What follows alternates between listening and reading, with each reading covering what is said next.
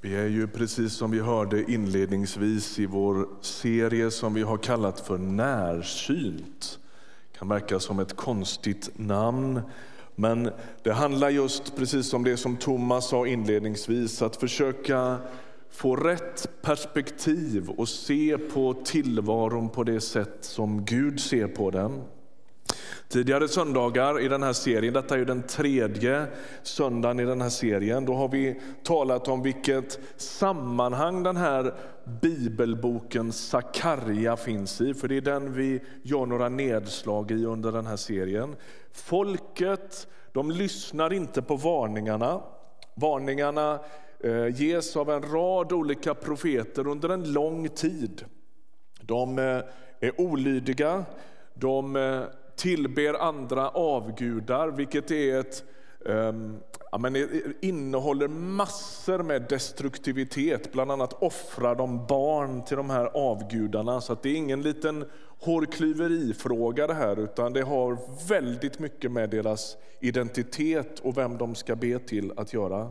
Till sist, efter alla varningarna som de inte lyssnar på, så tar Gud bort sitt beskydd från folket och invasionen och exilen är ett faktum. Nu är exilen över och så har folket återvänt till Jerusalem. Babylon som erövrade Juda en gång har i sin tur erövrats av Persien. Kung Kyros har tillåtit 50 000 judar att återvända till Jerusalem för att bygga upp templet. Och Det är liksom i den världen som de här texterna rör sig och finns. Sakarja, låt oss säga det, är en märklig bok på många sätt. Profeten Sakarja får ett antal syner. Och De här synerna är färgstarka berättelser. I en syn så kommer en bokrulle flygande. I en annan så sitter en kvinna i en sädestunna under ett tungt blylock. Det är väldigt färgstarka illustrationer som profeten försöker liksom... Ja, han ser de här sakerna och försöker koda upp dem och hjälpa folket att förstå vad det här handlar om. Och I dagens första text så är det en präst och en märklig planta som är i fokus. Vi ska läsa från Sakarjas tredje kapitel, från vers 1 och framåt. Om du vill bläddra med i din bibel så är Sakarja möjligen lite svår att hitta. Hyfsat i mitten på boken eh, har du tolv stycken småprofeter kallas de för. Sakarja är en av dem. Så här står det. Herren lät mig se Josua, överste prästen, där han stod inför Herrens ängel. På hans högra sida stod anklagaren, beredd att anklaga honom. Herrens ängel sa till anklagaren, Herren ska tillrättavisa dig, anklagare. Ja, han som har utvalt Jerusalem ska tillrättavisa dig. Är inte denne man en brand ryckt ur elden? Josua bar smutsiga kläder där han stod framför ängeln och ängeln befallde sina tjänare, ta av honom de smutsiga kläderna. Och han sa till Josua, jag befriar dig från din skuld och du ska kläs i högtidsdräkt. Sedan befallde han, sätt på honom en ren turban. Och de satte på honom en ren turban och klädde honom medan Herrens ängel stod bredvid. Och detta är vad Herrens ängel försäkrade Josua.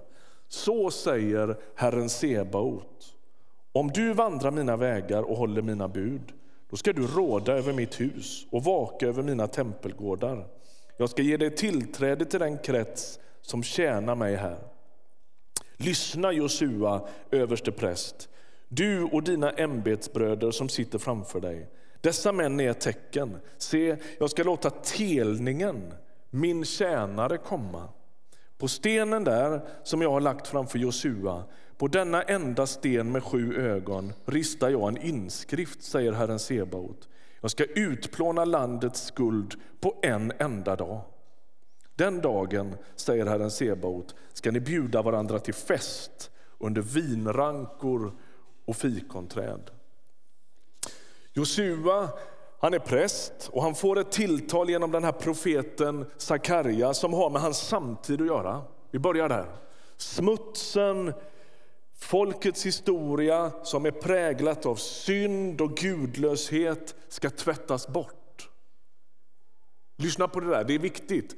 Gud har varnat dem, de har gått sin egen väg och likt en förälder som har provat allt så till sist så säger han okej, okay, ni får som ni vill. Gå åt det hållet då, får vi se hur det blir. Och hela tiden är avsikten att de ska vända tillbaka till honom. Och så småningom, när alla, den här katastrofen är ett faktum och exil och deportation och, och elände är ett faktum, så kommer det här då. Synden ska sättas bort. Om de går med Gud i trohet så ska de få bli änglarnas medhjälpare. Det är vad det står i den här texten. De ska få tillträde till kretsen kring Guds tron. Tänk vilket budskap om rening och ny chans.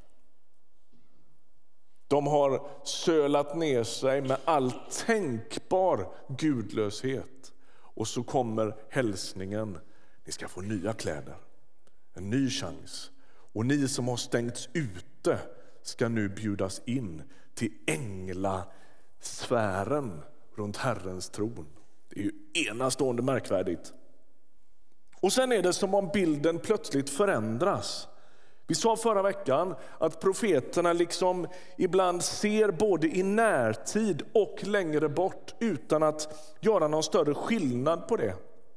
Teologen Mikael Telbe han brukar säga så här att det är som om de betraktar en bergskedja.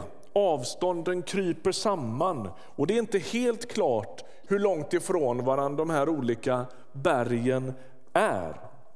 Och så svänger liksom texten av här och så plöt plötsligt handlar den inte längre om Josua och hans tempelbygge utan om en annan gestalt. Plötsligt framträder en telning vilket betyder ett rotskott eller en liten planta. På många ställen i profettexterna så talas det på olika sätt om den där telningen, det där rotskottet. Vi läser en annan profettext ifrån Jesaja kapitel 11. Där det står så här. En gren ska växa ur Jishais avhuggna stam.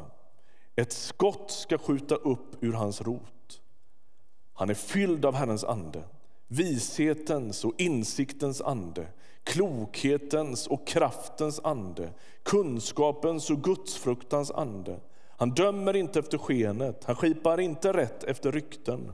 Rättvis dömer han de svaga, med oväld, vilket är ett konstigt ord, det betyder rättvisa, skipar han rätt åt de fattiga i landet. Hans ord är en käpp på våldsmännens rygg. De ondas liv blåses ut av hans val. Rättvisan är hans bälte. Troheten bär han kring livet. Vilken fantastisk bild, va? Här finns, notera vad som står i den här texten. Det står här att stammen på Israel ska huggas av. Det här är en, en av de där varningarna som kommer ungefär 200 år före Sakarja. Stammen ska huggas av. Det förutspås en katastrof som ju också har inträffat, det vet ju vi när vi kommer in i berättelsen. Eh, beskyddet har vikit och så går trädet av. En bild på hur planen med Israel går sönder. Men så kommer löftet. Ur den där stubben, den avhuggna trädstammen, den katastrofdrabbade Israel ska du skjuta ett litet rotskott.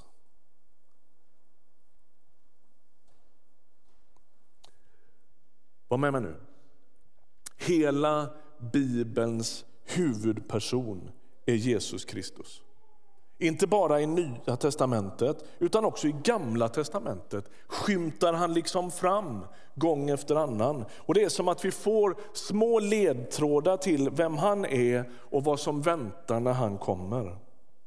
Man skulle kunna jämföra det med att lägga en mosaik. Låt säga att du skulle komma över en sån här mosaikbit och så ska du försöka förstå vad det här är. Ja, men det är lite blått några olika nyanser av blått. Det är ljusare och lite mörkare blått. Och så ser det ut som en, det skulle kunna vara ett vatten. Där är en liten strandremsa och sen är det gula hus, ser jag. Eller hur? Eh, någon skulle kunna säga, jag tycker vi skulle ha lite mer blått i gudstjänsterna. Ja, men jag är en sån där ljusblå kille, jag vill ha mycket av det. Nej, säger en annan, gult är ju det helt centrala i bilden. Låt oss sjunga och prika om det gula. Och så bildas det lite gula församlingar. De ljusblå vännerna har möten för att inte tappa bort det som de tycker att de har upptäckt och som är det viktigaste av allt. Och här blir blicken och perspektivet avgörande. Vi kallar den här serien för Närsynt. Är ni med? När jag ska försöka titta på en, ett foto i min mobil, min familj driver med mig, det gör de allt som oftast, men för jag, jag är så pass närsynt, så enda chansen för mig att klara ut det, det är att vippa ner glasögonen så här och så titta här. Perfekt! Och de tycker jag ser sjukt dum ut, vilket jag sannolikt gör också. Så, va? Vet du vad som är problemet med det här? Man kan se en och annan detalj, men man kan missa helheten, för man tittar så nära. Vad är det här egentligen?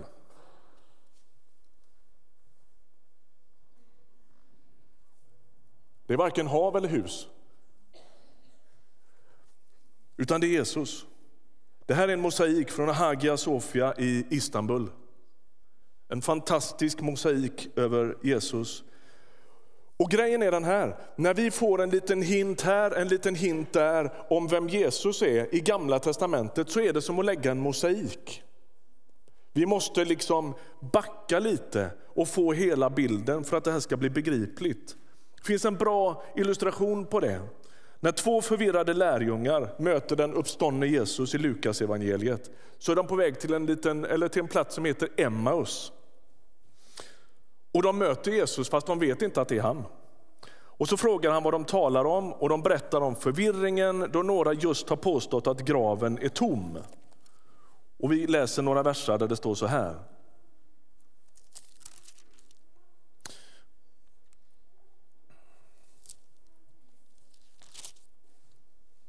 Vad tog jag vägen? Här. Några, de berättar så här för den okände medvandraren. Några av de våra gick ut till graven och de fann att den var, det var så som kvinnorna hade sagt. Honom själv såg de inte. Då sa han, alltså Jesus som går med dem fast de vet inte att det är han. Förstår ni så lite?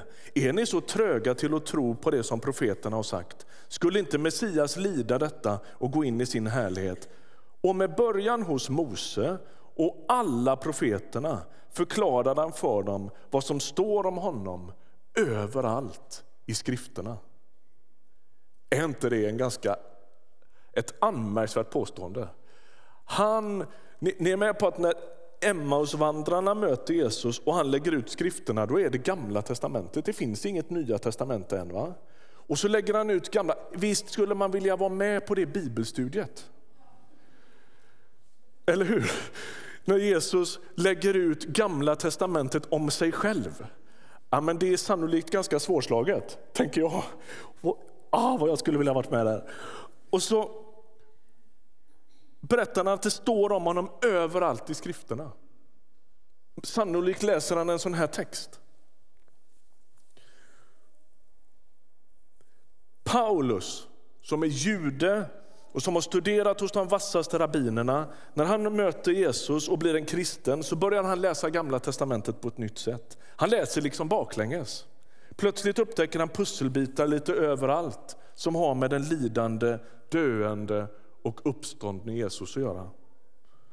Om man skulle bläddra något blad i Sakarja bok så hittar man en annan sån bild. Jag vill ta dig med dit också idag. Kapitel 6 i Sakarja bok. Ska vi läsa några verser. Från vers 9. Herrens ord kom till mig.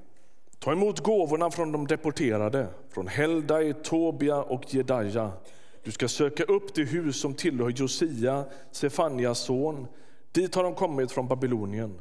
Där ska du hämta silver och guld och låta göra en krona och sätta den på överste prästen Josua, Josadaks son. Säg till honom, så säger Herren. Här, ska, här är han vars namn är telningen. Där han står ska det spira och han ska bygga Herrens tempel. Ja, han ska bygga Herrens tempel, få kungavärdighet och sitta som härskare på sin tron. En präst ska dela tronen med honom och mellan dem ska full enighet råda. Kronan ska vara kvar i Herrens tempel till minne av Helda, Tobia, Jedaja och Josia, Sefanias son. Människor ska komma från fjärran för att vara med och bygga Herrens hus. Då ska, de in, då ska ni inse att det är Herren Sebaot som har sänt mig till er.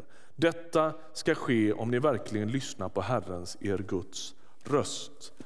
Häng med nu. Det smids en krona av silver och guld och den här kronan sätts på överste prästen Josuas huvud. Josua på hebreiska heter Jeshua och betyder Herren räddar. Det är precis samma ord som för Jesus på hebreiska, Jeshua. Den här kronan den sätts bara tillfälligt på den här prästen som en sorts profetisk handling. Sedan stod det ju här, så ska den förvaras i templet i väntan på en framtida kung.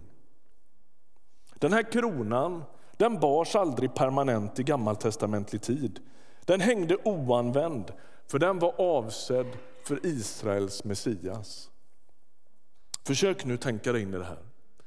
I det där templet, återuppbyggt i Sakarias tid ungefär 500 f.Kr. placeras en krona av silver och guld. Och den förvaras i det där rummet i generationer. I hundratals år hänger den där. Den samlar möjligen lite damm ibland under tider när man glömmer bort kronan eller inte är så där jätteintresserad av att vänta på Messias. Världen snurrar på, människor föds och de dör och kronan den hänger där i det där templet. Ser du den? Vilken märklig symbol som överlever generationer. Vem är det som kan ha den kronan på sig? Vem är den kronan avsedd för?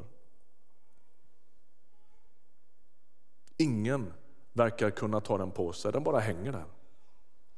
Ungefär 600 år efter Sakarias syner så finns det en annan profet, lärjungen Johannes som får en syn där han tecknar ner det vi kallar för Uppenbarelseboken. Han ser ett, vid ett tillfälle en syn som har med tidens avslutning att göra. Och Den låter så här, Uppenbarelseboken 5 och vers 1. Och jag såg i högra handen på honom som satt på tronen en bokrulle med skrift på både framsidan och baksidan och förseglad med sju sigill. Och jag såg en väldig ängel som ropade ut med hög röst. Vem är värdig att öppna boken och bryta sigillen? Men ingen i himlen eller på jorden eller under jorden kunde öppna boken och se i den. Och jag grät häftigt över att det inte fanns någon som var värdig att öppna boken och se i den. Men en av de äldste sa till mig, gråt inte. Se, han har segrat, lejonet av judastam, skottet från Davids rot. Han kan öppna boken med dess sju sigill. Gud han med all makt sitter och håller i en bokrulle. Det är text på både insidan och utsidan. Vad är det där för en rulle? Det är bilden av Guds plan, vad som ska hända. Här finns planen för Guds rike, hur Gud ska rädda världen, hur han ska upprätta skapelsen, hur han ska komma med rättvisa och frid. I rullen finns hela meningen med historien, både den stora historien, världshistorien och din och min personliga historia. Här finns inte bara kunskap om framtiden utan förmåga och makt att skapa framtiden och påverka och knyta samman historien. Är ni med? Alltså den här bokrullen, den är inte bara någon sorts eh, kunskap om hur det blir, utan det är makten över historien, makten över tidens slut. Vem är det som ska knyta ihop allt det här? Och ängeln frågar, vem är värdig? Vem kan öppna upp Guds räddningsplan och dessutom förverkliga den i historien? Ingen. Och Johannes blir så sorgsen. Jag tänker att det här är ödmjukande. Vi kan bygga avancerad teknisk utrustning, politiska system, finansiella instrument, gigantiska flygplan, vi kan komponera fantastisk musik, vi kan göra Oscarsvinnande film. Men ingen av oss kan avslöja och sedan förverkliga historien. Och ängeln söker i hela universum och han hittar ingen som har den moraliska renheten, som har makten eller kraften att bryta sigillen och öppna bokrullen. Det finns ingen. Och Johannes han börjar gråta. Men så plötsligt finns det hopp. Vem är det som har inlett historien? Vem är det som har brutit in i den för att försona allting med sig själv och som nu träder fram för att knyta samman allting? Det är skottet, telningen, rotskottet från Davids rot. Är du med? Det som Jesaja ser år 700 f.Kr. Det som Sakarja ser år 500 f.Kr. Det är det som också Johannes ser år 100 efter Kristus, nämligen någon ur Israels folk ska kliva fram och rädda världen.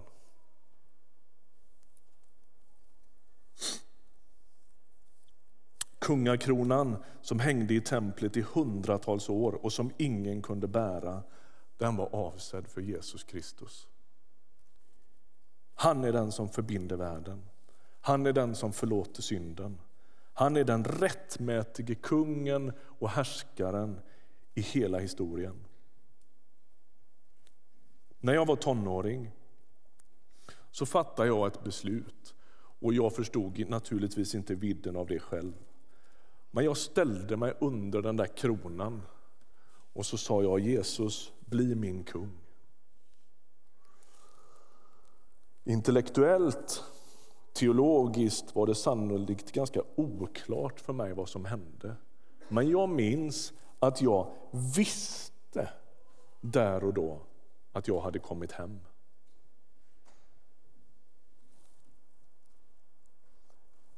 Jag visste att världen så som jag kände den just hade ställts till rätta.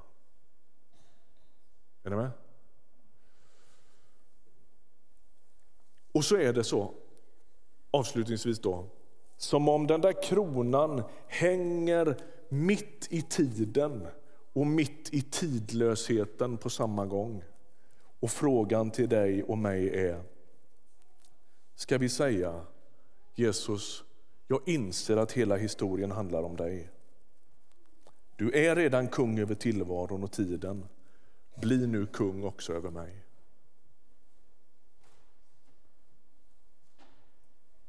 Kanske du behöver göra det idag, för vilken gång i ordningen har du tappat räkningen på? Bara få ställa dig under Guds kungakrona och säga Jesus Kristus, du är den rättmätige regenten i hela tillvaron, också i mitt liv.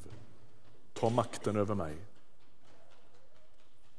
Kanske du finns här i Ryttargårdskyrkan idag som behöver göra det för första gången i livet. Du behöver inte intellektuellt vara helt klar med den frågan för att kunna göra det. Jag tror att du instinktivt känner en inre dragning. Jag måste få göra det. Lyd den maningen. Gud drar i dig. Det hänger en krona i tiden och i tidlösheten och frågar dig Vem är din kung? Amen. Vi ber tillsammans. Jesus,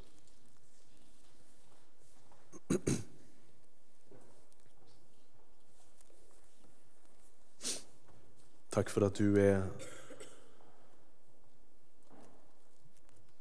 världens, universums, galaxernas, hela kosmos rättmätige kung. Tack att när du kläddes i en törnekrona och dog för världen så var det den bakvände kröningen.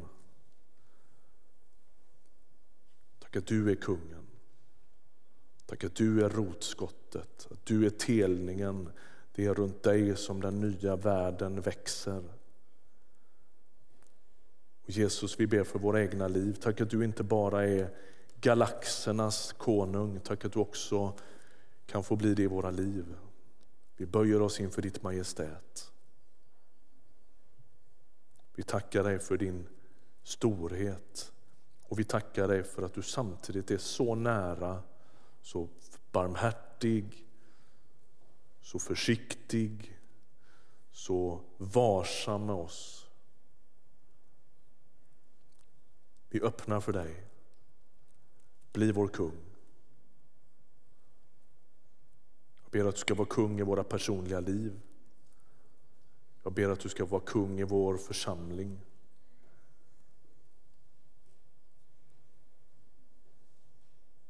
Jesus Kristus, vi böjer oss inför dig.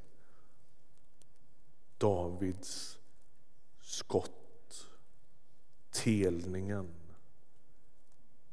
konungen. Amen.